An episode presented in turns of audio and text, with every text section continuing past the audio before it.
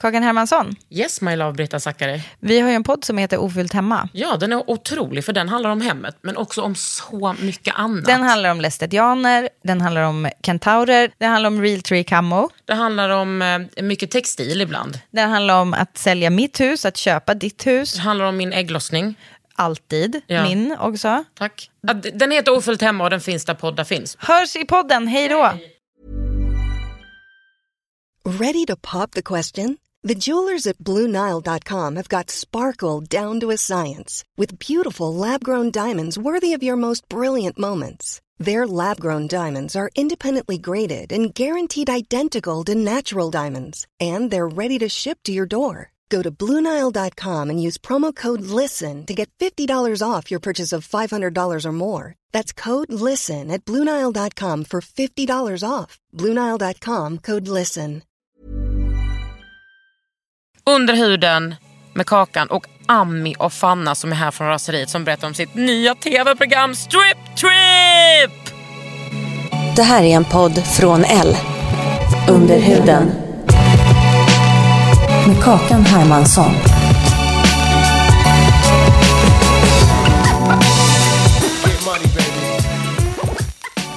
Ami och Fanna. Kusinerna från landet. Kusinerna från... Oh, gud, du är, så, du är riktigt så Stockholmsfascist Fanna. Ja men det säger du varje gång. Ja, and I love it. Kusinerna från Raseriet-podden. Från Stockholm. 08 biatch! Bra, bra. Med mycket kärlek Ja, med till mycket kärlek. jävla Sverige. Ja. Ni gör ju podden Raseriet som är liksom som en folkbildningsrörelse skulle jag säga. Ja. Gud, ni, måste, alltså, ni borde få så många pris för det. Ja, men har hittills har vi inte fått ett enda. Då, då, då ska ni få årets uh, kakpris. Ja, Ja. oh my god. Um, Åh gud, ska jag, ska jag börjar så får du. Nej, vänta, kan jag Ehm, formulera Jag skulle vin- verkligen vilja få ta... Jaha, motivationen först. Um, årets Kakan Hermansson Åh gud, så självcentrerat att ha ett pris. Uh, I sitt eget namn. Alltså vi har ju pratat om att vi ska ha ett pris. Men ni är ändå liksom, ja. Årets Kakan Hermansson-pris eh, går till em, två kvinnor som jag beundrar och ser upp till. Lär mig mycket av varje dag. Säkert, säkert lär en del också. Två coolingar.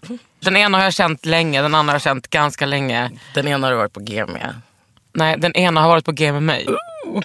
Men jag dissade henne. Årets Kakan Hermansson-pris går, 2018 går till Raseriet. Gud vad kul. Hade ni Oj, trott det här? oj. Alltså om man ska vara ärlig, jag hoppades. Men det är klart man inte liksom, nej men man vågar inte, man är blygsam. Nej, men man då ska ni blyg. få the white feminist prize. Yes! Den här går ut till alla vita feminister där ute. Vi ser er, vi tackar er. Och vi backar er. för vår kamp. Precis. Nej men det betyder jättemycket verkligen att så här, alltså att få bli uppmärksammad för det man gör och typ, alltså man är, man blir trött. Man blir trött. Alltså ordet jag söker är trött. Och liksom, men Med det här priset så kommer vi orka fortsätta. patriarkatet ska, Krossas. vi säger det på tre, krossas, Och systemet ska, ett, två, tre. Knullas. Tack. Tack för det här priset. Tack för den här podden. Hej då. Mm, Berätta hur du startade med raseriet. Oj. Um, Ska vi prata varannat ord hela podden? Okej, det... Var en gång. Vi gör nämligen det i vår podd. Lyssna på den. Jag skojar. Nej, men, alltså, raseriet startade för, genom att vad heter det, mm, jag och Fanna vi ville göra en podd. Alltså det var, vi ville göra en podd först och främst och höll på och bollade vad vår podd skulle handla om. Och vi båda två aktivister, feminister, antirasister, aktivister. okej? Och bara, det här är någonting, alltså den delen av vår vardag diskuterar man ju hela tiden. Så till den milda grad att man nästan blir lite deprimerad. Och då var vi såhär, när vi ska göra en podd, vadå? Vi vill ju göra en podd som handlar om de här ämnena. Samtidigt såhär, fan så tråkigt ska vi behöva sitta och prata om det. Kan inte vi få göra en podd om någonting kul? Kan inte vi få vara fria och bara göra en podd om hudvård? Nej, jag för jag vet att din podd faktiskt inte alls bara handlar om det. Men det var ju så. Ser- serum. Exakt. Serumpodden. Eh, nej men det var ju så. Ja. Och jag tror typ att det är en, jag tror jag talar för alla rasifierade kreatörer där ute. När man pratar om den här lilla processen av att man bara, ska jag antingen lyfta den här, ska jag ta tillfället i akt och lyfta den här väldigt viktiga frågan. Eftersom att vi kämpar för att stoppa rasismen, hejda rasismen i vårt samhälle. Då borde jag väl prata om det, prata om vår verklighet och berätta den berättelsen. Samtidigt som det också är otroligt tråkigt att alltid hamna i det facket. Det är ju det. Och att det är också, framförallt om man blir tilldelad det facket så kan det bli ganska nästan kontraproduktivt och stereotypiserande. Att Ge exempel prata på hur ni blir tilldelade det. Alltså jag jobbar på Aftonbladet och eh, på Aftonbladet så är det, då har man ju den här lilla, lilla vad heter det, avvägningen. Den har man ju ofta. Och då eh, landar det ofta i att jag vill lyfta sådana frågor som jag tycker är viktiga. Men det kan ju också vara att någon annan utgår från att man ska ha koll på allting. Som bara för att jag är normbrytande på stället. Liksom, så kan folk utgå från att man ska typ ha koll på allting som är normbrytande mot hur mina kollegor ser ut. Typ hur det är i förorten och att leva i förorten. Alltså, Så är nu bor jag ju för sig i förorten men jag är inte därifrån. Och jag ser inte mig, alltså jag kan räkna upp en otroligt lång lista på personer som skulle kunna berätta om verkligheten när det kommer till att bo i förorten till exempel Mm. på ett väldigt mycket mer korrekt sätt än vad jag skulle göra. Och då är det ju att man känner att man blir eh, ganska liksom eh, förminskad till något som har att göra med hur man ser ut kanske. Ja, och sen så får man ju, alltså, så här, eller jag har fått väldigt många förfrågningar från typ så här, SVT Opinion eller andra sådana debattforum. Att så här, vill inte du skriva en text på det här ämnet så är det ett ämne som man inte alls jobbar med eller inte har någon koppling till överhuvudtaget. Eh, Vad kan måste- det vara för ämne då? Ja men typ så här, visst förorten det, det har inte jag fått så mycket om men jag fick ju så här, vill du inte vara med och kommentera om de här eh, afghanska flyktingbarnen som har våldtagit massa tjejer på Ugn och Lotta eller vad det var. Så här, vi, We Are Stockholm som var en stor grej. Och det var ju typ inte ens riktigt sant. Jag kommer inte ens ihåg vad det där resulterade i. Men jag var så här, jag, bara, jag har aldrig debatterat om de här frågorna. Eh, det är klart jag som feminist kan tycka och tänka olika saker men också som icke-vit kan tänka andra saker också. Men frågan om som har varit delaktiga i den här debatten. Liksom. De, de sitter ju på redaktionerna och har personer top of mind och då har kanske jag och Amir blivit sådana. Eh, men det tar ju också extremt mycket tid att alltså, att bolla de här vet du, förfrågningarna med folk med redaktioner som sen bara okej men har ett tips på någon annan då och så ska man Alltid. göra deras jobb. Gratis. Ehm, ja precis, eller typ eh, jag, så här, de, ville, de var väldigt påstridiga att de ville att jag skulle vara med och debattera i Opinion Live. Eh, Allan Kurdi-bilden. Eh, om bruna och svarta kroppar och, och liksom hela döda då. Och, och hur man ser på olika kroppar. Och jag var så här, jag bara, alltså, det finns ju folk som jobbar med etik och fotografi. Det finns folk som jobbar med liksom, krigsfotografer eller vad som helst. Va- Varför ska, jag har Eller en skrivit- utgivare, det är ju en utgivarfråga. Ja, alltså man kan ju ta vilka vinklar som helst. Men då tänker man så här, fan, när hon har skrivit om hur det är att vara svart kvinna i Sverige. Alltså, Men det är också så himla bara simpelt. Att de bara, nej, vi har de här två säkra korten. Mm. Vi, för att vi orkar inte ta reda på någon annan. Nej, men så när vi skulle starta vår podd i alla fall, då var vi så här, oh la la, ska vi ännu en gång talk, talk about this boring old shit. Men sen så var vi så här, ja men det ska vi faktiskt göra. Men vi ska göra det på något sätt som känns eh, bra för oss själva, så vi orkar göra det vecka efter vecka. Och då beslöt vi oss för att liksom prata om så här, whatever som händer i ens liv, om populärkultur som vi älskar och relationer och allt möjligt. Men att vi skulle avsluta varje avsnitt med ett raseri. Och då skulle vi ta upp en veckoaktuell grej som kanske hade hänt i vårat liv eller inom svenska politiken. Någon nyhetshändelse någonting som hade att göra med rasism i Sverige. Högt och lågt. Så. Och, eh, så, Där så- fanns det material. det, det fanns material. The, the gift that kept on giving.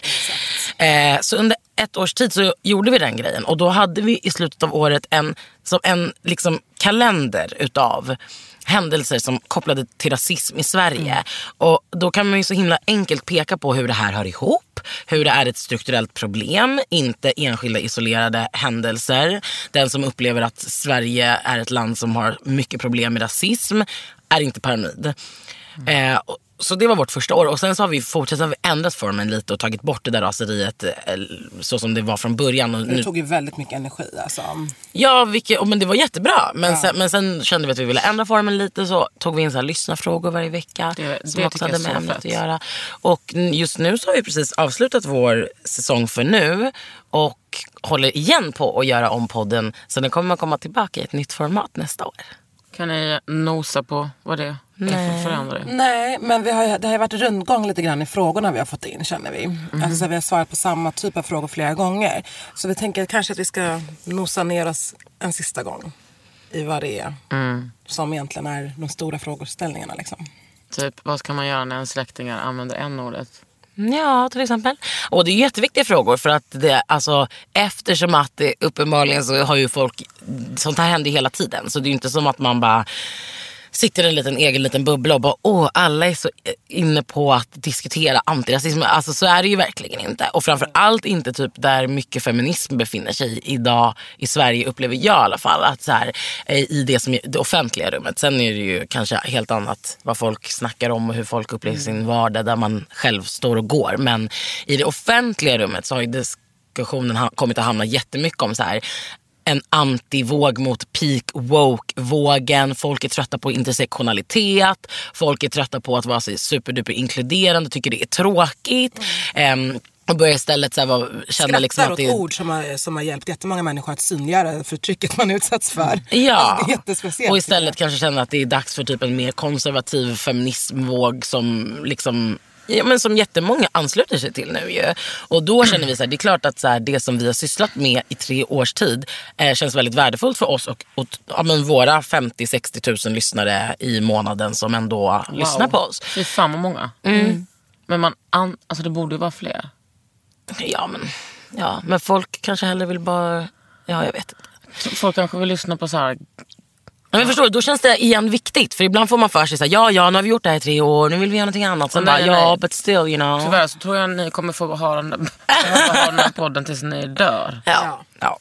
Ja. men vi kommer göra det, men vi, vi hittar på lite nya sätt att eh, ha den. Men eh, jag tänker så här att eh, sambandet med att vi, att vi liksom, vi har ju hela tiden typ från 80-talet gått mot nu så här, alltså mer ett liberalt samhälle. Eh, mer individualistiskt och eh, alltså feminismen har ju haft svängningar. Och varför tror ni att, att feminismen ser ut så som den gör nu? Med att liksom, jag upplever det som att mina gamla, alltså att kvinnor som jag har haft samma åsikter som blir konservativa. Vad har de för åsikter nu då? Eh, nej, men de kanske liksom stannar upp. Alltså det här är 100% heterosexuella feminister. Som jag också skulle säga är privilegierade. Och privilegierade på det sättet att de så här, alltså skygglappar. Skygglappsfeminismen. Så det, det är dina stekar feministkompisar? Nej, nej, nej, nej, nej, nej, nej. Alltså det här är inte eh, mina, kanske inte, det här är inte mina kompisar. Jag går så, st- alltså stekar, menar du brats? Mm. Nej, nej, nej, de är, Ett Stockholmsord. eh, de är inte där. Vi är i Stockholm nu gumman. Nej, nej, nej. Alltså, jag pratar om personer som har haft en liksom, omvärldsanalys som har varit deep från Ah, början. ah, ah. Men att man, liksom, att, att man kanske inte orkar. Mm. Det är typ trevligare att uh, tycka att ens kille är snygg och Mm. uh, men gå tillbaka och tycka att det, är viktigast, det viktigaste är att vara smal. Ja men det är ju också goals att ha en snygg, alltså om ens kille är snygg. Men, vad heter det, får inte du också lite sån kritik? Alltså folk som inte kanske, folk som så här, vi säger då med podden, som inte tar sig tid att lyssna på riktigt. Eftersom att vi också lever i en tid där folk typ läser mest rubriken och kanske inte läser texten. Och kanske liksom känner till rubriken men inte lyssnar på. Den som lyssnar på underhuden på riktigt vet ju att väldigt många olika otroligt viktiga bra samtal förs i den här podden. Nej, jag tycker tvärtom faktiskt. Vadå tvärtom? Alltså jag får eh, mindre... Alltså jag, får, alltså jag hade ju liksom som ett litet uppehåll för kanske, vad är det nu, november? För kanske nästan ett år sedan. Hade jag uppehåll på podden någon, några månader. Och efter det var det som att jag... Eh, alltså podden typ tog en ny vändning. Det handlar mindre om... Jag ska inte säga att det handlar mindre om utseende för det handlar fortfarande mycket om utseende. Men det handlar ju om kvinnors och eh, inte mäns, eh, eh, eller inte cis-mäns liksom, eh, psykiska hälsa. Det har fan mycket med utseendet att göra. Liksom. Ja, gud. Eh, och jag tycker snarare att jag har fått mig så här, fy fan, alltså du är en ny nivå nu. Ja, men jag, menar, jag, men jag menar inte så precis. Så här. Jag, menar, jag menar bara generellt det här när folk blev så caught up i att du har ett hudvårdsintresse. Och när hela den här diskussionen var som handlar om att feminismen är alldeles för utseendefixerad och alldeles för att vi går patriarkatets ärenden alldeles för mycket. Och det, det, jag, menar, jag vet ju att det fanns en liksom, tid när personer som du, Cassandra Klatskov och andra eh, och jag själv och så vidare, ma- att man blir ifrågasatt att liksom med den plattformen man har och så vidare att man sysslar med saker som på något sätt skulle vara kontraproduktiva mot feminismen. Du upplever inte att du har fått någon sån ifrågasättande alls? Jo, det har jag ju. Men jag tror också, vi pratade om det här igår, du och jag, fan, äh, Ami. Vem, vem om nu är kusin eller det är. Ja, eh, like, like. Nej, det gör det inte. Nej, men jag skulle önska att jag var lik Fanna. Lägg dig under Det är knäna. där du ska säga, jag skulle önska att jag var lik Amma. Nej, men hon gör inte, för som hon är så nöjd. Nej, men hon är, ja, Ja. precis. Mm. Eh, hon, för det där är vet- jag vet att det- 90-talisten Jag vet alltså. att det inte var genuint. Hon ville bara Ja, jag det vet. för Jag vet, jag vet. Det där är själv. Känner den här lilla I alla fall. Jag, ska, jag, känna- ska jag säga vad jag känner, vad jag känner Ami? Ja, jag vill höra. Det är ju en runda som jag har tagit många gånger i mitt huvud och med mina nära vänner. Mm. Men jag känner ju också liksom att jag är, jag är typ, alltså jag är rätt säker på var jag står. Jag är 37. Jag har, eh, alltså jag har feministiska frågor. Mina hjärtefrågor som rör feminism handlar om eh, liksom, kvinnor som utsätts för prostitution. Alltså eh, våldtäkt. Det har liksom alltid varit mina hjärtefrågor. Jag tycker absolut att så här, beautyfeminism, det kan jag absolut skriva under på att jag håller på med ibland. Jag tycker det är underbart att typ lägga en mask och sådär. Men det kommer ju inte... Jag har aldrig sagt att liksom det kommer ske någon revolution liksom framför min spegel. Nej, och det är ju liksom egentligen aldrig någon som, det var ju det var typ aldrig någon som sa det. Men den där diskussionen var ju on fire, eller typ är. Alltså man ser ju fortfarande folk som liksom känner att det är nödvändigt att understryka att det är inte feministiskt Nej, att göra men- ditten och datten och det, ena med det tredje. Men- Fast om man jag då ska fortsätta sitta på mina höga hästar. Alltså jag är för gammal för att liksom waste time på den diskussionen faktiskt. Mm, Jag läser hellre typ en rapport om så här, ja, men om hur eh, trafficen liksom är ut. Alltså fattar ni? Jag är inte, Mm. jag bryr mig inte. Men jag tror nog generellt att flera som, när man blir äldre, oavsett liksom vem man är, Mm. så orkar man inte ta samma fights. Och man kanske har eh, blivit lite mer, inte likgiltig, men kanske, kanske likgiltig. Blasé. Ja, lite mer blasé. Och alltså, så här, det är inte helt negativt att det är de yngre som har det här rage going on som tar över Nej. utvecklandet av feminismen. Jag tycker inte det är konstigt.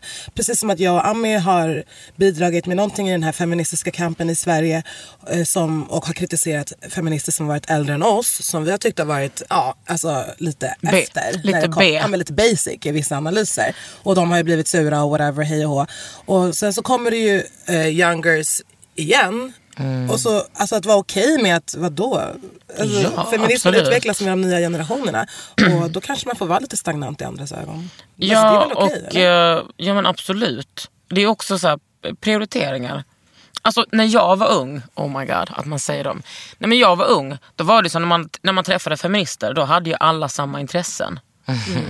Alltså man var intresserad av samma sak. Mm, vad var det? Låt mig tänka. Nej, men alltså, alla var ju emot porr. Alla, eh, många var veganer, alltså många var djurrättare. Liksom. Många var aktiva i liksom AFA eller RF. Vad lyssnade man på för musik? För det kan ju inte ha varit okej att lyssna på liksom... Jag lyssnade ju på rap. Och det Rappity var ju liksom, eh, alltså jag hade ju som mål att ha en lebklubb med rap. Och det, Ah. det, det hade jag ju med Cookie Jar. Det var ju riktigt länge sedan. Nej, men jag kom, alltså när jag var på de här, de, alltså när jag var på de, all, vi var ju punkare ihop när vi var på de där liksom lesbisk festival som det hette, de där första i Göteborg.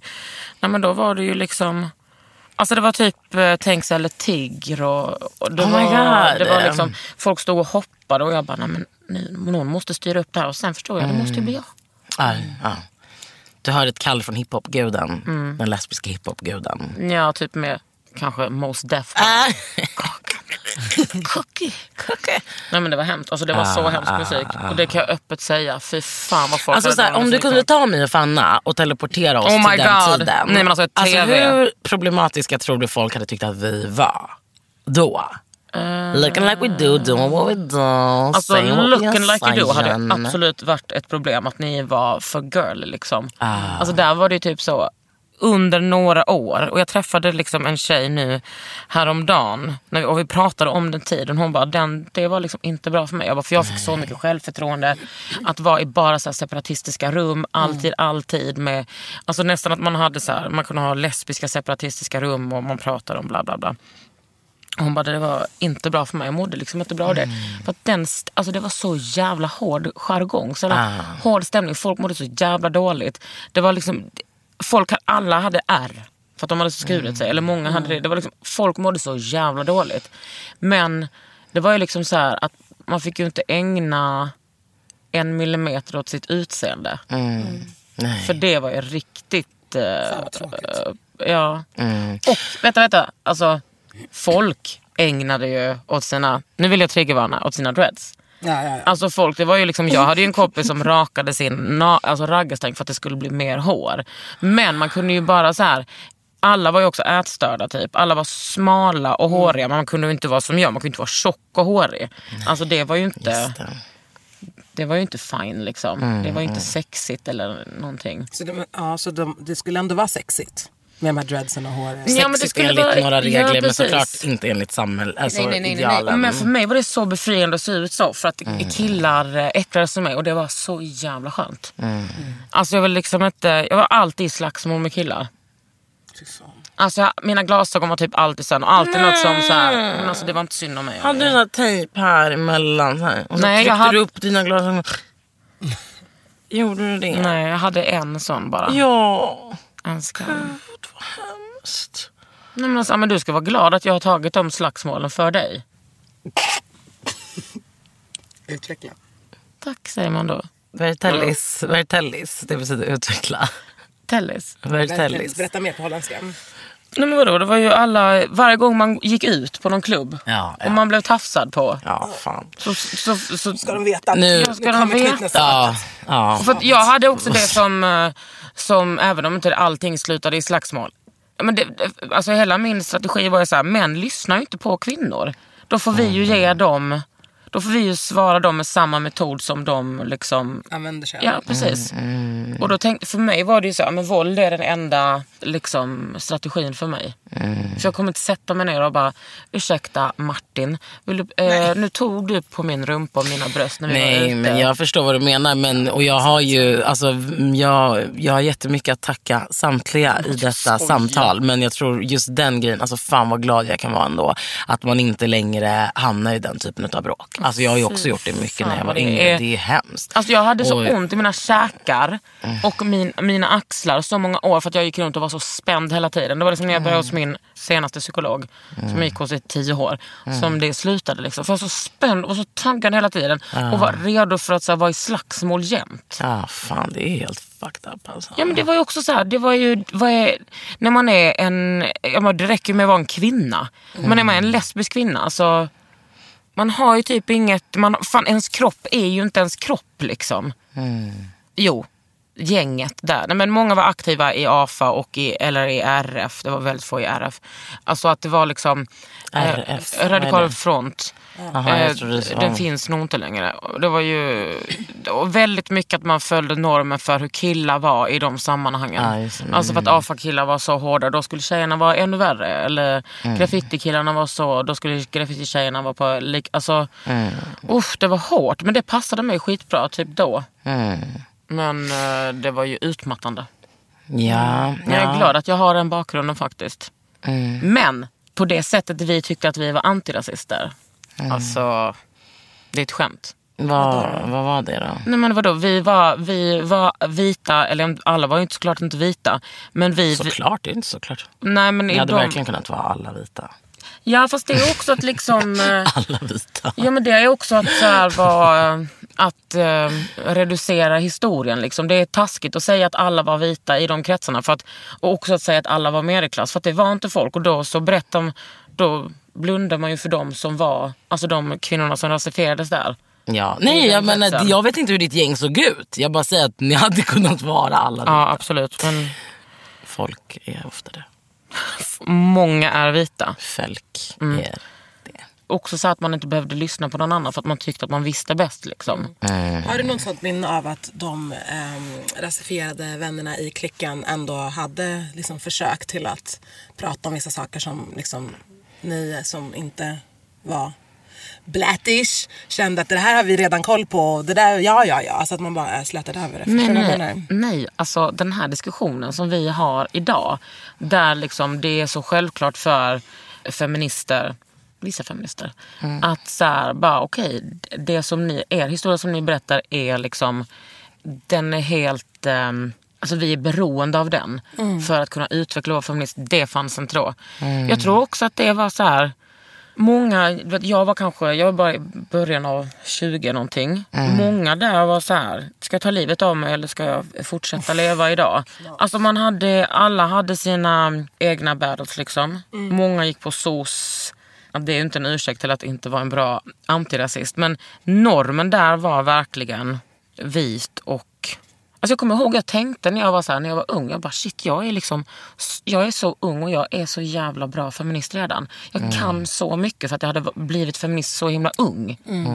Och nu bara va? Nej men alltså hjärtat. Mm, Gud, det kan jag också relatera till. Men det var ju också så här, den perioden när man är så här, har gått ur gymnasiet och blivit lite vuxen.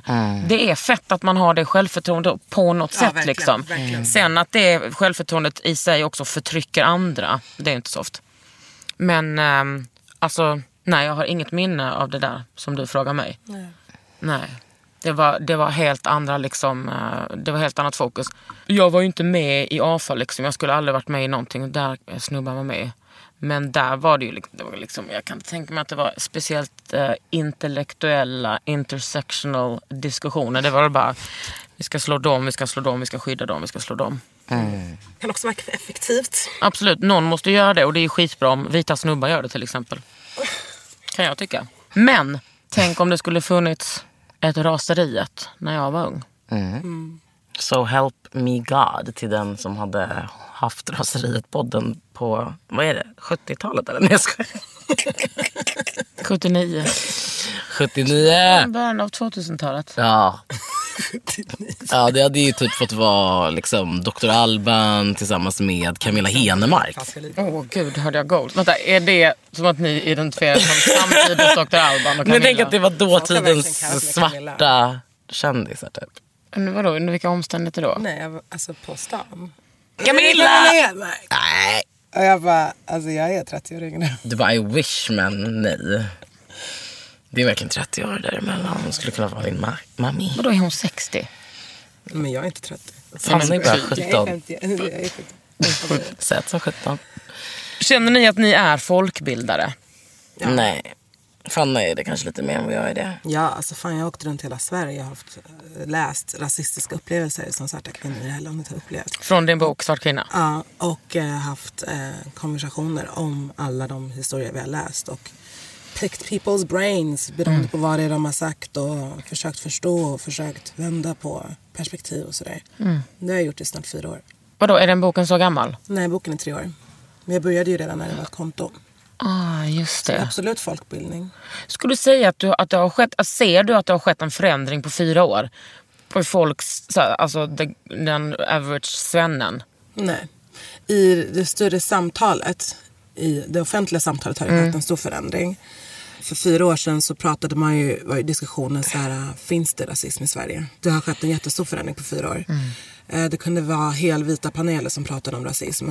Det är det inte längre idag. Never forget bokmässan, right? Ja. aldrig. Ja, Och det var ju typ det var ju, 2016. ja precis, det var ju nyligen. Där de hade en panel då om man får, får man lov att säga n-ordet. Eh, och så var det liksom inte en enda svart i, i panelen. Eh, och Genomförde Nej, det var de den panelen? 2015. Det var 2006, ja, 2016. Jag Ja, genomförde det- den och det var så sjukt för att den enda boken som hade kommit ut då det året, förutom Rummets bok som hade kommit 2015, så kom ju Svart kvinna 2015.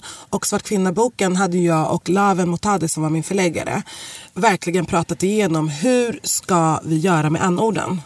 Och i Svartkvinnaboken så är ju de markerade med asterixen. Man har tagit ut, vi har tagit ut vissa bokstäver så du ändå kan förstå. Är det en ordet i plural eller är det feminint eller Ja, det engelskt? det. Eller liksom, vi har ju gjort någonting med det här ordet för att kunna publicera det. Aktivt.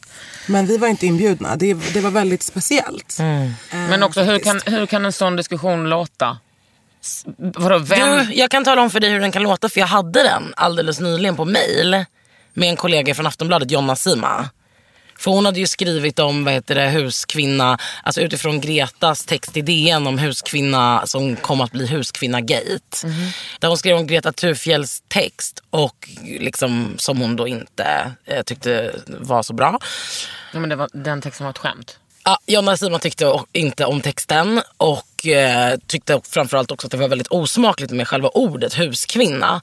Som hon då, för den läsaren som inte riktigt fattade, att den liksom kommer från ordet husblatte som kommer från ordet hus än ordet. Men Eh, hon skrev ut... Jonna Sima skrev ut n-ordet i texten. Och jag läste ju, och det var liksom de sista två raderna typ av texten. Så när jag kom dit, jag bara perfekt. Så då mejlade jag henne, vi jobbar ju på samma redaktion, mejlade henne och frågade eh, varför hon skrev n-ordet. Och då sa hon, ja men för att påvisa att det är otroligt osmakligt. Att liksom, jo men jag fattar det. Det fattar jag också. Men eh, det här är ett ord som vi ju inte använder 2018, eller hur? Eller hur? Vem använder det ordet? Alltså du, vi använder ju inte det ordet 2018. Så varför skriver du ut det? Jo men för att jag vill Ja, påvisa... men också skriva ut det för då har man ändå liksom kollat på den här texten tusen gånger. Någon annan som ska ge ut texten har väl Nej, men kollat på det det tusen ordet gånger. ska inte finnas i Aftonbladet 2018. det kan inte Och finnas på någons läpp. Nej, och, och då handlar det också om att, här, att säga n-ordet, alltså som, som liksom, att använda den terminologin eller det liksom begreppet n-ordet, det är befäst hos folk. Folk fattar vad du menar. Så vi fattar ju, we get the point. Och då så använde jag ju exemplet när Fanny Andau Norrby skrev eh, boken Svart kvinna. Då använde hon inte det ordet. För att de ville inte reproducera ordet. Det ordet ska liksom inte finnas längre. Det är det Men, alltså, bemötte hon din kritik på det? till slut så svarade hon ju inte. Och texten såg ut som den gjorde då. Och hon tyckte att hon reproducerade inte det utan att Finns den påvisa- texten på nätet? Mm, jag antar det. Alltså, jag har inte den googlat på det idag men jag kan kolla. Men eh, jag menar, det handlar ju om, eh, som du sa själv, det är ju inte bara en skribent utan det är ju liksom, om du skriver på ledarredaktionen så är det ju mm, andra som läser din text också. Men så den diskussionen är ju absolut alive. It's not dead. Och då tyckte jag, mitt argument som var att Fannas i sin bok valde att göra på sitt sätt var ju, väger ju mycket tyngre än vad någon annan skribent tycker om det här. För att Fannas bok är tongivande när det kommer till att prata om rasism, alltså med afrofobisk, liksom, och i boken handlar det ju om just mot kvinnor. Men alltså en bok som Svart kvinna har inte funnits tidigare i Sverige. Och där man berättar den här gemensamma nationella upplevelsen av att vara svart kvinna i Sverige. Och den boken ska sätta en viss standard och då, och då hoppas man ju att den som är eftertänksam därefter tar, man tar efter. Också om man inte har som, fattat det eh, ännu. som, eh, som identifierar sig som en antirasist antar jag. Liksom. Ja, ja, precis. Ja, men det är liksom svårt för folk att förstå. Under huden.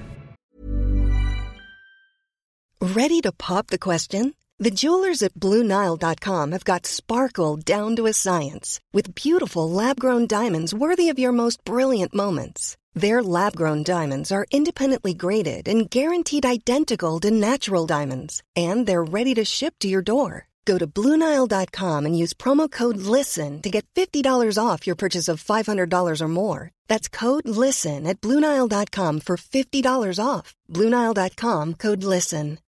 Millions of people have lost weight with personalized plans from Noom, like Evan, who can't stand salads and still lost 50 pounds. Salads, generally, for most people, are the easy button, right? For me, that wasn't an option. I never really was a salad guy. That's just not who I am. But Noom worked for me. Get your personalized plan today at Noom.com. Real Noom user compensated to provide their story. In four weeks, the typical Noom user can expect to lose one to two pounds per week. Individual results may vary. Alltså vad gör ni för att palla? Vi åker på striptrip. Uff, snygg övergång. Tack. Tack. För det, detta är ju ert nya tv-program. Är det årets? Är det decenniets tv-program? Jag tror så december, så jag bara ja. Är det decembers bästa är tv-program? det andra veckan i december bäst? Ja, men Det kommer 13 december. Ja, på Lucia. Decenniet vet jag inte, jag har inte sett allting. Vi måste ha en liten lista på alla tv-program. Ja. Fan, det är ju årets program, det är det ju. Ja, men jag tror att det är decenniet alltså. Det här är så ny take på... Alltså, Alltså decenniet. När gjorde du Destination Gran Canaria? Ja, det- Har tagit mina piller mot malaria. sprutor. Perfekt. Man. Men vad heter det, när var det? För det... 2008. Ja, Så- det är ju förra decenniet. Ja, så, ja, annars hade ni haft en tuff konkurrent. Ja, ja, ja, ja. När Kakan var aktiv på ZTV, det var ju goals. Och du som nyligen har börjat lyssna på den här podden och är ny till vem Kakan Hermansson är, ingen i hela Sverige. Du kan ju googla på det här. Youtube. Ja, jag får klippa bort det. Om jag... Nej, fy fan alltså. Jag läste min gamla blogg häromdagen. Nej. Jag bara sa till redaktionen, jag bara, den finns inte kvar. De bara, den är Jag bara, den är inte. Ta det lugnt, ta det lugnt. Alltså, Vad var din byline? Eller vad heter det? Slogan? Tagline? Eh, nej, Nej. jag vet inte. Ingen Eller vad tänker du på? Stod det inte något så här under kakan och sen så stod det någonting? Nej. Nej, alltså det, jag hade inte, det hade inte jag liksom du med. Men kommer ni inte ihåg typ så för tio år sedan när alla hade en, en blogg? Och Typ alla bara, Daniel lyssnade på den här låten, vi var på den här festen, Jo. vi var på Berns. Man bara, och så läste man alla de Ja. bloggarna. Ja, ja. Åh gud, skit i det. Nu ska vi prata om strip tip. Strip uh, Trip. trip. And we did. En strip tip. Ja. Var, Okej, var, var såddes det här fröet? Ehm, det såddes av att eh, jag har koll på ganska mycket vet du, amerikansk hiphop-blogg lifestyle. Typ.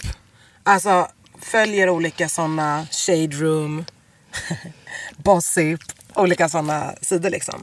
World Star. Ja, och där är ju stripporna en stor del av the content. Ja, Och då är liksom stripporna som så här, ja men de är alltså, ja det finns en rappare, det finns en, eh, någon idrottsman och så finns det strippor. Alltså de är så här stora personligheter. Exakt, de är superstars. Och eh, har, vi har ju både så Amber Rose, vi har ju nu Cardi B, men även andra kvinnor som tidigare har varit strippor som nu är liksom superstars inom andra Har fält. Black China varit strippa? Ja, Ah. hon har varit strippa. Jag bara alla. Den Eh, här K. jävla Michelle. Black China. Keep that bleach out of our Nigerian country. Japp. Eh, Black China har lanserat blekningslinje som hon lanserar i Nigeria. White Men, delicious. Är hon nigerian? nej. Hon är bara fucking... Ah, Okej, då går vi där. Mm. Men så här, jag har följt de här bloggarna i flera år och, tyckt att det varit väldigt kul. Men de här stripporna har ju gett en ganska mycket kroppskomplex. Alltså för att jag har ändå följt dem och varit så här, åh herregud, det är så här en svart kvinna måste se ut typ, så här, för att få uppskattning i USA. Och Det- den normen är, Alltså du har ju gjort din rumpa, den är ju, det är ju en silikonröv, du, du har vet du, liposuckt din midja. Kanske tuttarna, inte säkert, men framförallt en gjord röv. Liksom. ja det är göten som är i fokus. Ja. Och den behöver inte alltid vara gjord men ofta så är den ju det. Och varit så här, vi har ju pratat om det i raseriet också. Jag har varit så här, men nu måste jag följa alla de här för nu, har jag, nu, nu mår jag Nej jag trodde du skulle säga att du liksom. bara, måste göra min röv. Ja, nej. Måste hon Lite inte. squats kanske. Vi, och alltså, vi, vi, Vi har pratat så fått- mycket om era rövar alltså. Ja, vi har ju fått kritik. Vi har gått igenom det där med röven. Ja. Och sen så en dag Men det var faktiskt... Ja. Mm. så, så började de publicera att det, fanns, att det pågick en catfight inne på New York Citys stripclubs. Eh, strippers versus bartenders. Och då var, kände jag och Ami att så här måste vi så här, kolla lite närmare på vad är det här. När två kvinnor ställs, två kvinnogrupper ställs emot varandra på det här sättet så är det ofta inte bara en catfight. Nej. Right? Am I right? Am I Uh, right? Are we right? Can I get a hell yeah? I gotta yeah yeah. eh, och då uppdagas det ju att det är en tjej som heter Giselle Marie som har startat New York City Stripper Strike. Giselle-Marie. Alltså det är liksom för bra. för bra namn. Marie! Giselle-Marie. Giselle Marie. Nej men I'm dead. Ah, är I'm Marie. dead. Jag vet. Ja, Stripp-Marie. Alltså strippkonungen Marie. Alltså hon är Ja, ju liksom... riktig konung. Ja, eh, hon eh, startar ju eh, det då. Så att vi Nej, försökte... vänta, du måste säga vad hon startade. New York City Stripper Strike. Eh, Och vad gick den ja, strejken det ut får man på? se på en serie. Nej men du måste ge bakgrundshistoria för Nej. det kan man ändå... Nej men det handlar helt enkelt om att revoltera mot ehm, sexism inne på klubbarna. Alltså eh, osofta arbetsförhållanden, kolorism. Det vill säga att bartendersna eh, tenderar att vara lighter skinned, kanske oftare latinas. Och tjejerna som dansade är darker skins, alltså mer svarta tjejer. Och eh, så var det pengabråk då, då. Vilka som fick mest pengar. Och, vill, och hora madonna-komplex inne på klubbarna. Om du är bartender fast du är lättklädd och dansar lite grann bakom baren så är det lite bättre än om du har mindre kläder och dansar Alltså det är så, det är liksom hela så världens alla förtryck i ett mikroformat inne på Exakt. strippklubben. Mm. Klart Exakt. ni ska göra tv-program om det. Och jag vet ingen som kan förvalta det, alltså er kunskap och köra in det i ett sånt här tv-program. Åh, tack svenska. Det tog, ett tag, det tog ett tag att övertyga Sveriges Television om att vi skulle göra det. Men gud, alltså att ni ens fick göra det. Ja, det är sjukt. Hur sålde ni in den här idén? Men, men grejen var den att alltså, det som var roligt med hela den processen var, alltså, eller en sak som var rolig med den processen var ju att vi var till, lite uppe på vad heter det, deras eh, kreativa tavla av namn och coola personer och spännande grejer. Eller hur fan det nu ser ut på SVT när de ska skapa ny content. För att göra någon form av Kobra-program för Kobras gick i graven och så skulle det bli någonting annat. Whatever. Och då var det 30 minuters avsnitt.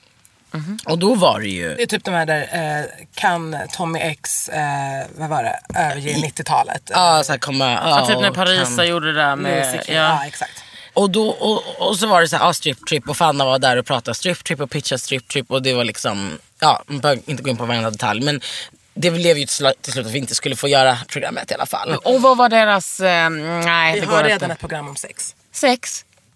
Som är det alla våra ligg-tjejerna tillsammans med Liz Milf, Isabelle Walf gjorde ett program om sex. Och de tyckte att det var samma sak? Ja. Okej. Okay. Inte de, men en producent. We shall never forget your name. I will never forget you. Verkligen. Ja men vadå, men ni fick ju ändå programmet. Vem Jo men... Det var en annan producent som grävde upp det här. Och bara, vad fan det här låter ju inte sant. Ska ni inte komma och snacka Stockare? med mig? Ja. Broder fucking stockare. Stockare. Alltså vad skön han är. Och då var det som att man bara, nej men vänta du är inte bara skön som har insett att det här såklart finns massa olika beröringspunkter i det här programmet, som, eller tilltänkta programmet som skulle kunna bli jättebra. Utan också att du har insett att 30 minuter är för lite. Ja, han bara, det här måste ju vara minst 90 minuter. Alltså nu har jag fått tre Ja. gånger 30. Gråta. Så uh, när vi fick veta att vi hade fått pengarna till det, då skrattade vi. Så länge. Han skrattar ju också. Han skrattade. Och vi bara, okej va? Vi ska åka. Ehm, så det var tidigare, det var tidigare 2018. Men hur bestämde ni liksom, för att det är, alltså eh, 3 gånger 30 är fan inte mycket för att berätta, att kunna rama in så här, rasism, sexism. Ja, i, Alltså så här, när vi väl åkte, då fanns det ju en resplan. Men när det kom till case som ju utgör hela berättandet. Det här är ingenting vi ska berätta om utan någon ska ju få berätta för oss utifrån sin verklighet om det här. Och vår förhoppning var ju att vi skulle komma in på de här olika beröringspunkterna som vi kan uttyda. Men, men vi åkte framförallt med en otrolig nyfikenhet för hur det verkligen är. Eftersom att vi inte vet. Eftersom att det här är berättelser som vi upplever sällan att man får höra från det här perspektivet. Det var ju det som var vår grej liksom. Ja, och det enda som vi hade var ju det här, okej vi, har fått, vi har sett strippor hela våra liv genom hiphop-videos och nu har vi hittat en tjej som är ett case som är aktivist. Där har vi en gemensam beröringspunkt med henne. Men det var ju allt. Och vi researchade ju otroligt många tjejer och kontaktade otroligt många tjejer. Eh, men fick liksom väldigt vaga svar och folk som slutade svara och så vidare. Så när vi åkte till New York, alltså vi åkte då på söndagen va? Vi åkte på måndagen, det var val i Sverige på, på måndagen, vi åt söndagen. en burgare på flygplatsen. Ja, precis. För du skulle till Island. Och det enda Det vi visste då söndagen som var striptease på måndagen. Ja, och det enda vi visste då var ju att vi skulle träffa Giselle Marie. Em, hon var den enda som verkligen hade liksom okejat att vi skulle få träffa och intervjua henne. spela in Så det. vi hade bara ett enda case. De andra som liksom gav vaga svar och inga svar alls, är de, var de rädda? Nej men alltså snälla Kakan, så här är det. Vi skriver vårat lilla trevliga eh, så här, Hello, eh, inledande are two mail. Yes, we're two journalists from Sweden. Ja, och så här, jättemycket smörandet. Bara, eh, oh I hope you see this. I bet your eh, DM is overflowed by fan mail. But anyway, like we love you and we would like to meet you. La la la. Skitlångt. Och svaret är, how much do you pay? Eller, okej. Nej. Och vi, och yes, uh, so, uh, blah, This is will a you be in state, town? state television we can't pay. Ja. Så, och, och sen så dog det ut typ. Så när vi Mm. åkte då visste vi bara att vi skulle träffa Giselle Marie. Och på söndagen, då dagen innan vi ska åka. Då ringde, då fick jag ett sms, call me från Giselle Marie. Så jag ringer till henne och då berättar hon att typ tre dagar innan så har hennes, en av hennes eh, vänner och en annan tjej som också dansar och som också var också aktivist. Precis som Alltså hon. är det en tjej vi pratar om? Ja, den här tjejen som hon har mött i sin kamp via sin strejken och allting. Som har liksom hittat henne och bara shit vi kämpar för samma sak. Vi kämpar mot colorism, dark skin is considered eh, liksom som någonting så himla dåligt i vår värld. Vi ska förändra det här och så vidare. Eh, en tjej som heter Vanity. De har liksom mötts i det här. Då berättade Giselle för mig på söndagen att Vanity har tagit livet av sig för tre dagar sedan. Så jag och Fanna som är på väg till USA, vi vill veta om deras liksom vardag. Vi, eh, ja, vi får höra det här. Det var den alltså, råaste versionen av någonting som också speglar deras vardag väldigt mycket. För den här Vanity pratade om psykisk ohälsa utifrån sig själv. Om psykisk ohälsa utifrån tjejerna som dansar som är liksom såklart jättevanligt. Och de pratar ju om att varit med om övergrepp och Giselle berättar för oss att eh, every girl I ever met har liksom experienced abuse in some type of way. Eh, självklart, förstår? Och hon berättar här, det här inte, jag kan inte träffa er längre. Jag, jag måste till Miami för jag måste v- hjälpa till med att fixa begravning. Liksom. Det var hennes helt plötsligt. Så, här. så vi åkte till New York, vi visste inte vad som skulle hända. Vi ville absolut inte pusha henne till att träffa oss. Ehm, samtidigt som vi jättegärna ville träffa henne. Och, mm. och vi var så här, vi vill bara träffa henne om inte annat för att ta en kaffe. Alltså säga hej mm. för att vi har ändå Alltså Fanna hade följt henne jättelänge och vi hade pratat med henne i telefon och man såg så mycket fram emot att träffa den här tunga personen. Den har systern. Ja, men det där hände. Så när vi åkte till USA, då hade vi ingenting. Mm. Vi hade inte tillstånd från något ställe att filma. Vi hade inte någon tjej som var down på att träffa oss. Ni gled inte in i tullen och bara hello we're making a, a TV show about strip culture. Ni, Jo. ja, ni hade sådana tillstånd? Ja. Men, eh, men när vi kom till USA, sen, men sen så var det faktiskt så efter två dagar att, eh, att Giselle sa liksom, att hon hade kommit tillbaka från Miami, att hon ville ändå träffas. Fast hon var messed up så ville hon hon ville få ut den här berättelsen för hon sa så här, för hon man märker att hon är verkligen en sån person som vet att så här, den här kampen är större än mig. Liksom folk, alltså, deras dröm var ju, de sa ju så här, we can make this bigger than New York. Men liksom att då så här, okej här kommer två tjejer från Sverige och vi har ett genuint intresse eh, för deras berättelse. Så hon gick ju med på att träffas då. När vi väl träffar henne, då har hon ju kommit den typ dagen ifrån Miami. Från att fixa hennes kompis begravning och berätta om Vanity och berätta om deras vardag och, och kampen. Och, Jag följer ju henne på Instagram. ja. Och så det var så fint när hon la upp den här bilden på er. Ja. Jag måste läsa det. Ja. Man är lite lättrörd, det är man. Ja. Eh, Fast det är fan inte lätt alltså.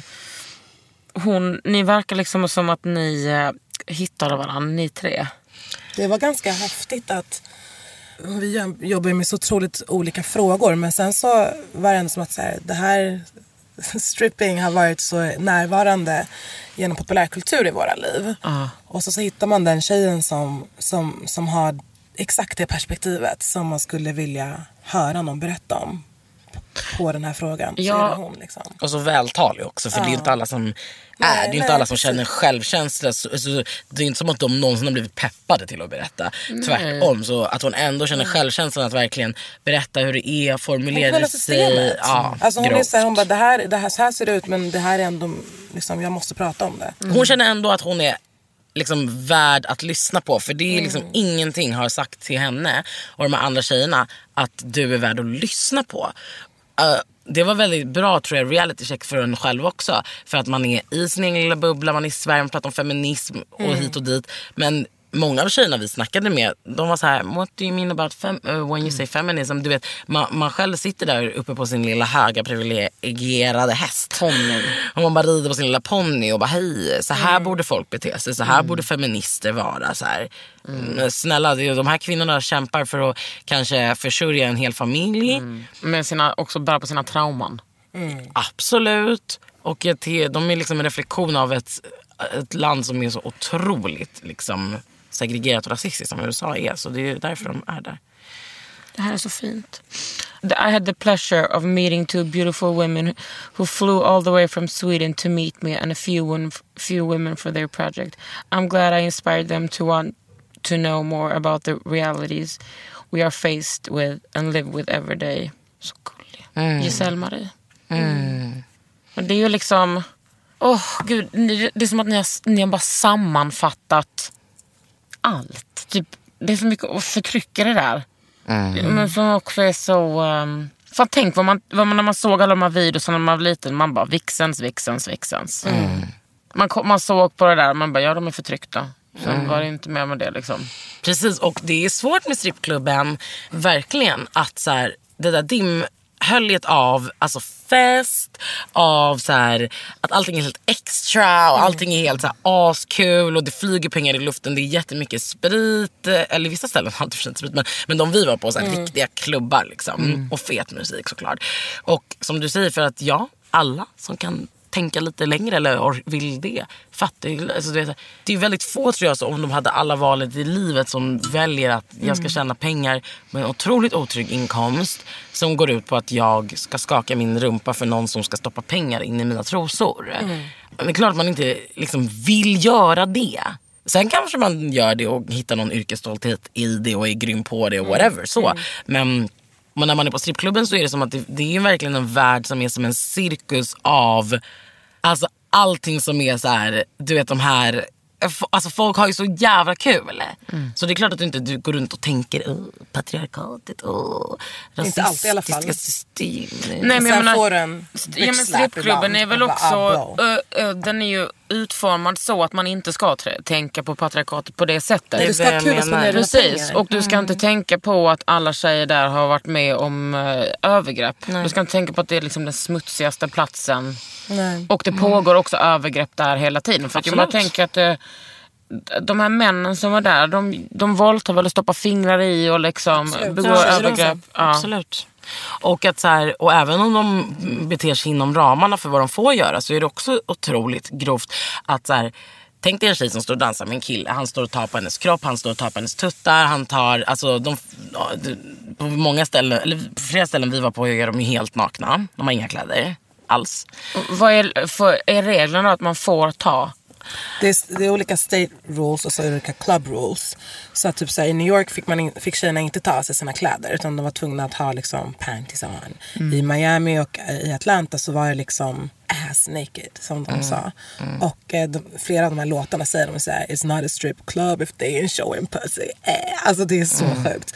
Och i Ehm, Nev- Nevada, Nevada är det ju eh, tillåtet med, där har de ju bordeller och så också. Så, men det är ju inte tillåtet i Miami och Atlanta. precis. Ehm, Sälja sex. Men det står ju så här olika regler på olika så här, conduct rules. Typ så här, rör inte eh, och sådana saker. Finns det vakter också Ja. överallt som liksom går och... Men flera av de här tjejerna går ju med på att bli rörda.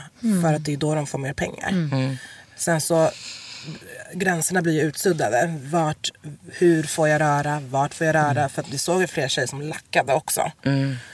Eh, vid några tillfällen. Men- liksom.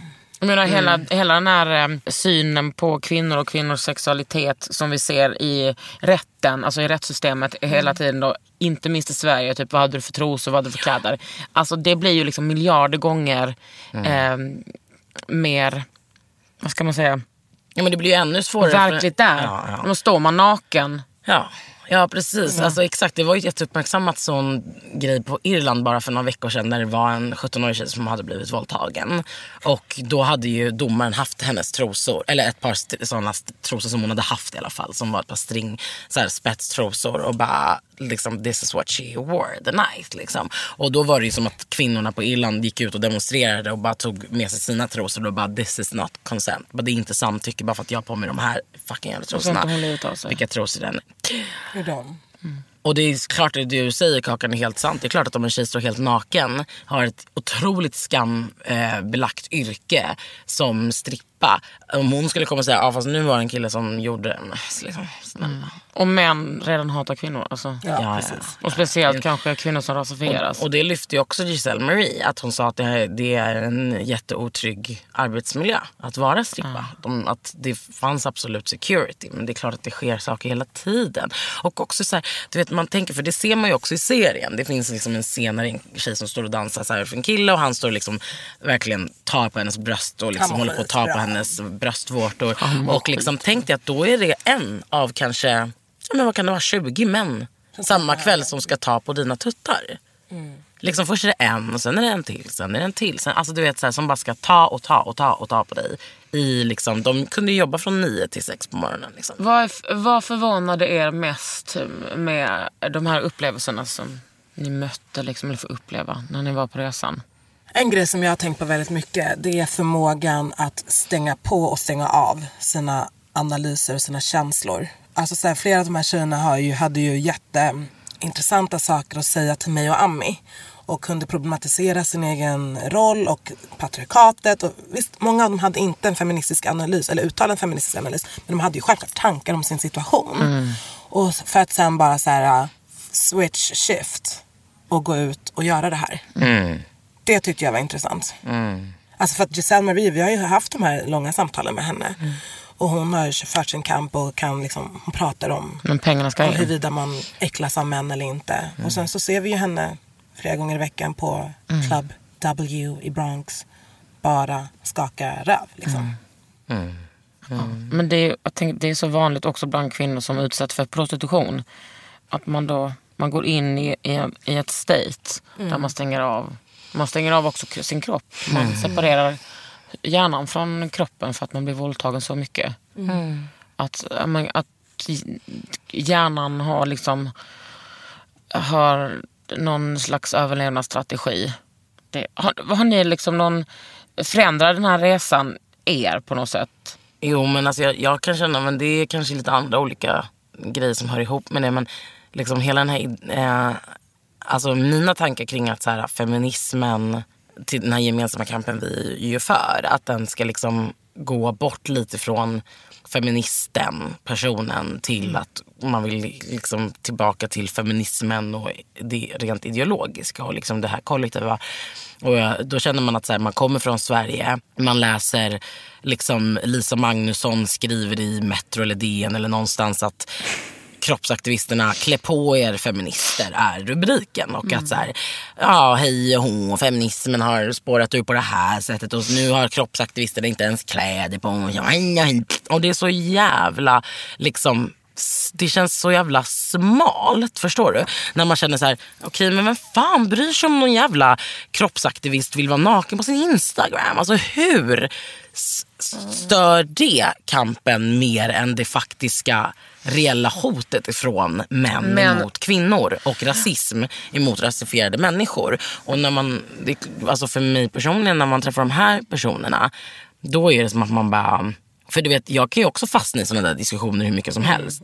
Men då kände jag liksom så här, okej, det, alltså, vi måste ju göra det vi gör på ett bättre, mer effektivt sätt. Alltså berätta de här berättelserna som är lite mer på riktigt än vilken insta-kroppsmodell som har för lite kläder på sig enligt någon jävla krönikör i DN. Alltså förstår du? Man känner så här, shit vad vi har privilegier när vi sitter och diskuterar det här. Alltså, och jag menar, det är inte som att jag för första gången fattade att folk är utsatta för grova övergrepp och det är ett klassamhälle eh, där människor... Alltså, det är klart att jag vet ju att det ser ut på det här sättet men det är klart, man, ibland får man ju lite, blir man lite mer klärvoajant och bara det är verkligen på det här viset. Liksom. Men det är det jag menar med Men man, kan, liksom att... man kan tycka det är jävligt, så, så du vet, när vi svenska feminister sitter och tjafsar om, ibland känns det bara så jävla meningslöst. faktiskt. Ibland. Alltså jag tycker det känns meningslöst.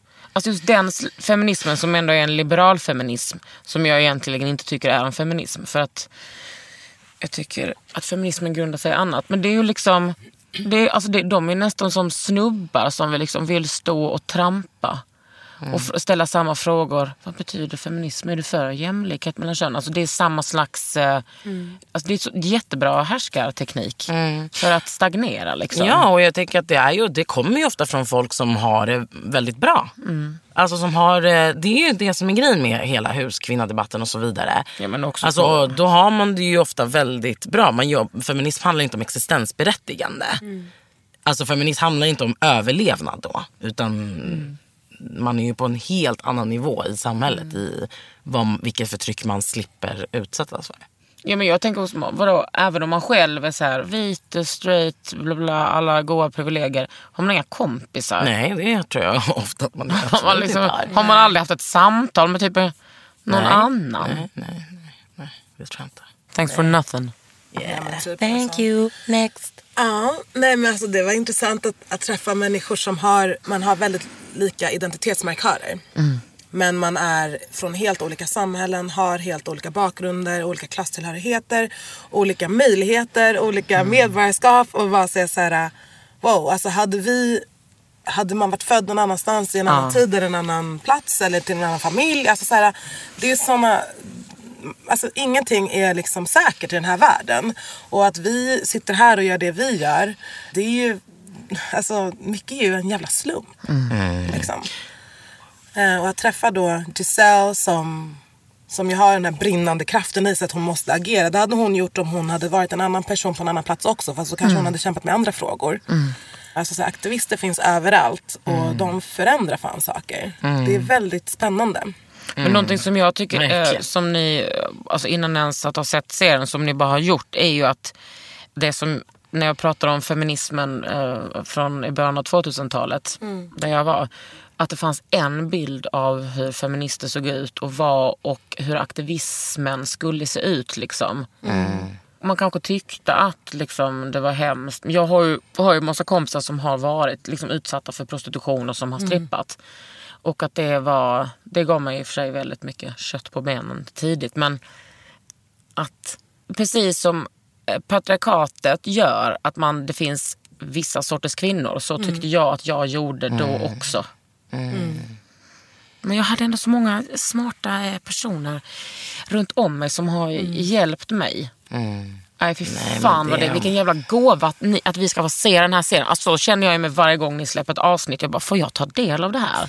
Alltså jag lär mig så jävla mycket. Jag har blivit en så mycket bättre och smartare människa genom att inte bara lyssna på er podd såklart. Utan att jag får vara vän med er. Ja, men vi är glada att SVT liksom tog sitt förnuft till fånga. Ja. och skickade iväg oss. Och sen är det liksom när man berättar att vi har gjort det här, då är det ganska många som liksom men att man känner sig lite så här, "Jaha, men varför har ni gjort det? Alltså, som med vad som helst så får ju folk förutfattade meningar som att man inte har sett serien ännu. Och det kan handla liksom om, så här, handlar om att glorifiera, så som man ju gör i musikvideos och populärkultur också för den delen. Så här. Och det liksom, handlar om att glorifiera eller handlar det om prostitution? Nej, inte prostitution. Varför vill ni inte prata om det? Vadå, handlar det bara om att dansa? Alltså, varför ska någon titta på det? Och, så här. För, och liksom, okej, men vadå, det här är väl inte relevant i Sverige och så vidare. Så det är väldigt intressant med de här fördomarna. Och jag tror liksom att om man tittar på serien, ehm, om man verkligen tittar på serien och liksom tittar på alla avsnitten så så det ska bli så intressant att höra vad folk tänker när de har gjort det. När de har verkligen tittat sig igenom allt och mött de här personerna vi mött. Och eh, liksom, ja, men dels hört våra slutsatser som vi har dragit och folk vi har träffat på vägen. Vad man kanske faktiskt kan relatera till och på vilket sätt det är en väl, vi upplever att det är en väldigt relevant spegling av, alltså av samhället och vad, hur samhällsstrukturer drabbar oss på olika sätt. Liksom. Är det väldigt klippt kul. eh, och skuret nu? Är det klippt och allting, ni har gjort ni, allting klart eller? Allting är klart. Oh, kissa på mig. Allting finns att säga. Känns det nervöst? Nej. Nej. Jag var nervös innan men vi har jobbat med en jättebra klippare. Ja men precis, vi var ju liksom på strippklubben Och med de här tjejerna och så dygnet runt i tio dagar. Det var otroligt mycket material. Hon lyckas verkligen få ihop det väldigt bra.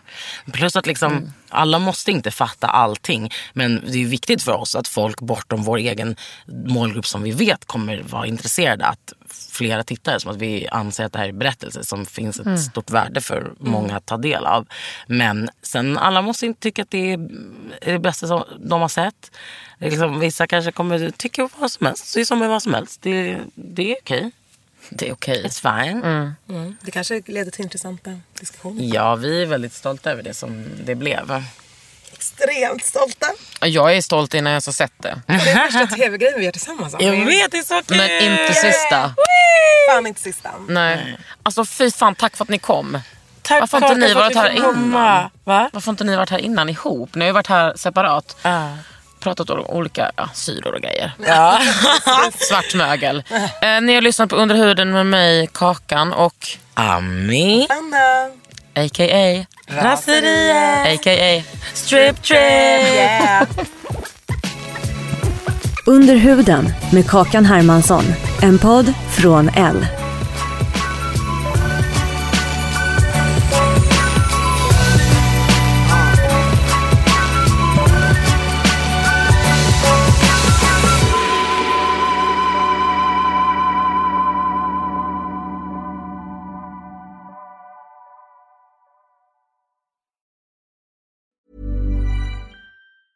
Hey, it's Danny Pellegrino from Everything Iconic.